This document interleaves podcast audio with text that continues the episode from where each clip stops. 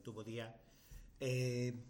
vou facer un poquinho máis de falar un poquinho máis de, de navegadores eh, en particular de, de uso de, de navegadores e voume centrar en dous tres aspectos eh, que eu tamén acostumo a, a, a facer no, no meu día a día. Eh, o primeiro deles é o de usar navegadores distintos para cousas distintas. É dicir, eu teño o meu navegador digamos de preferencia para 80% da, das cousas, e despois teño navegadores alternativos para situacións particulares ou para cousas que quero comprobar de forma distinta. Obviamente, se sodes desenvolvedores web ou algo, tedes que ter navegadores alternativos para comprobar que todo funcione correctamente, pero tamén para o traballo diario podedes ter eh, navegadores eh, independentes. Podedes ter como navegador principal Firefox, Chrome, Safari, Internet Explorer, o que vos apeteza, eh, e despois ter outro navegador para certas actividades eh, particulares, por exemplo, pois podedes ter eh, Tor eh, e algún día, se queredes, falamos de, de Tor eh, como un navegador alternativo. Cando queres acceder a páxinas web, por exemplo, das que non estás non con, con independencia de que Tor permita acceder a redes eh, ou a, ou a, a webs que non están públicamente accesibles no, no que conocemos ca, ca, como a World Wide Web, sino tamén para acceder a páxinas web normais e corrientes, pero que, bueno, queredes manter pois, eh, con certa anonimicidade en certos aspectos ou seguridade e non queredes utilizar o vosso navegador eh, particular. Hai outros navegadores alternativos, Brave, Opera, que eh, bueno, pues, cuidan de maneira distinta pues, a privacidade, a, o xeito de, de navegar e a, e a seguridade á hora de, de navegar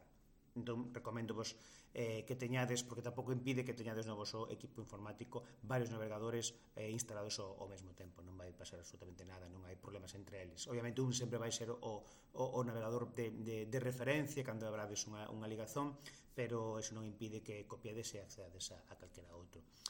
Outra das cousas que ou das dúas cousas que a min me gusta manter baixo control é por unha parte as eh, o bloqueo de toda a información posible. E en, e en particular eh, as cookies, por exemplo,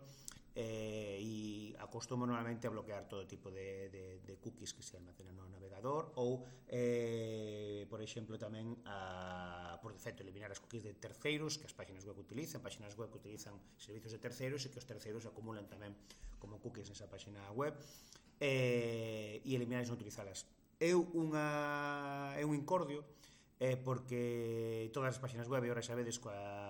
GDPR que todos nada máis hacer unha páxina web e din que bueno que aceptas o uso consentimento de cookies etc etc etc podes modificar co cal se as borras ao final a seguinte vez que accedas vais volver a preguntar de novo porque non lembra non vai lembrar nada de, da túa configuración que tive fixes de cookies para ese sitio co cal vas a estar sempre eh, na mesma. Pero bueno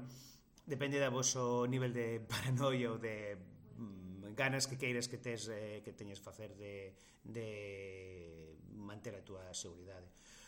E despois esta outra parte que é de, de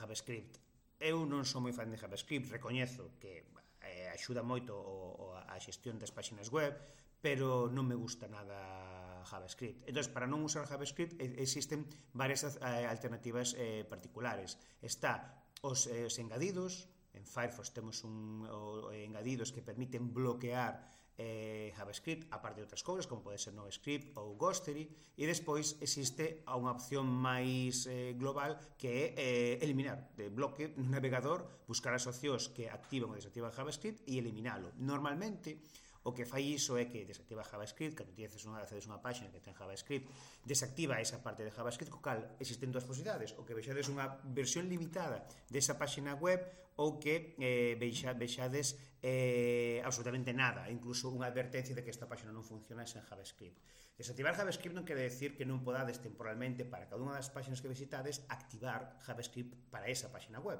E iso que non acostumo a facer eu tamén é un, un pouco incordio porque tedes que ir unha por unha, pero realmente so, aquí neste caso só se fai unha vez, é dicir, eu accedo a unha páxina web con JavaScript bloqueado, ese JavaScript cando accedo a páxina web me... porque como teño por defecto vexo, ah, bueno, pero esta páxina web confío nela, non hai ningún tipo de, de, de problema, pois activo JavaScript para esa página web e punto e final. Si necesito activar JavaScript, moitas veces para moitas páxinas web, desactivar JavaScript non impide que o contido que querías consultar sexa igualmente accesible. Igual o que evita pois, que sexa pois, a mellor pois, dinámica e que, que, que eh, faga certas florituras a hora de acceder ao, ao contido. Pero non vai impedir que podas acceder eh, normalmente ao contido. Iso impide, pois sempre podedes activarlo temporalmente ou o que comentaba ao principio, utilizar un navegador alternativo que que se permite JavaScript e que vos dé certa seguridade porque ese navegador non o tedes para ninguna outra cosa máis que para esas situacións particulares. Que teñades bo día.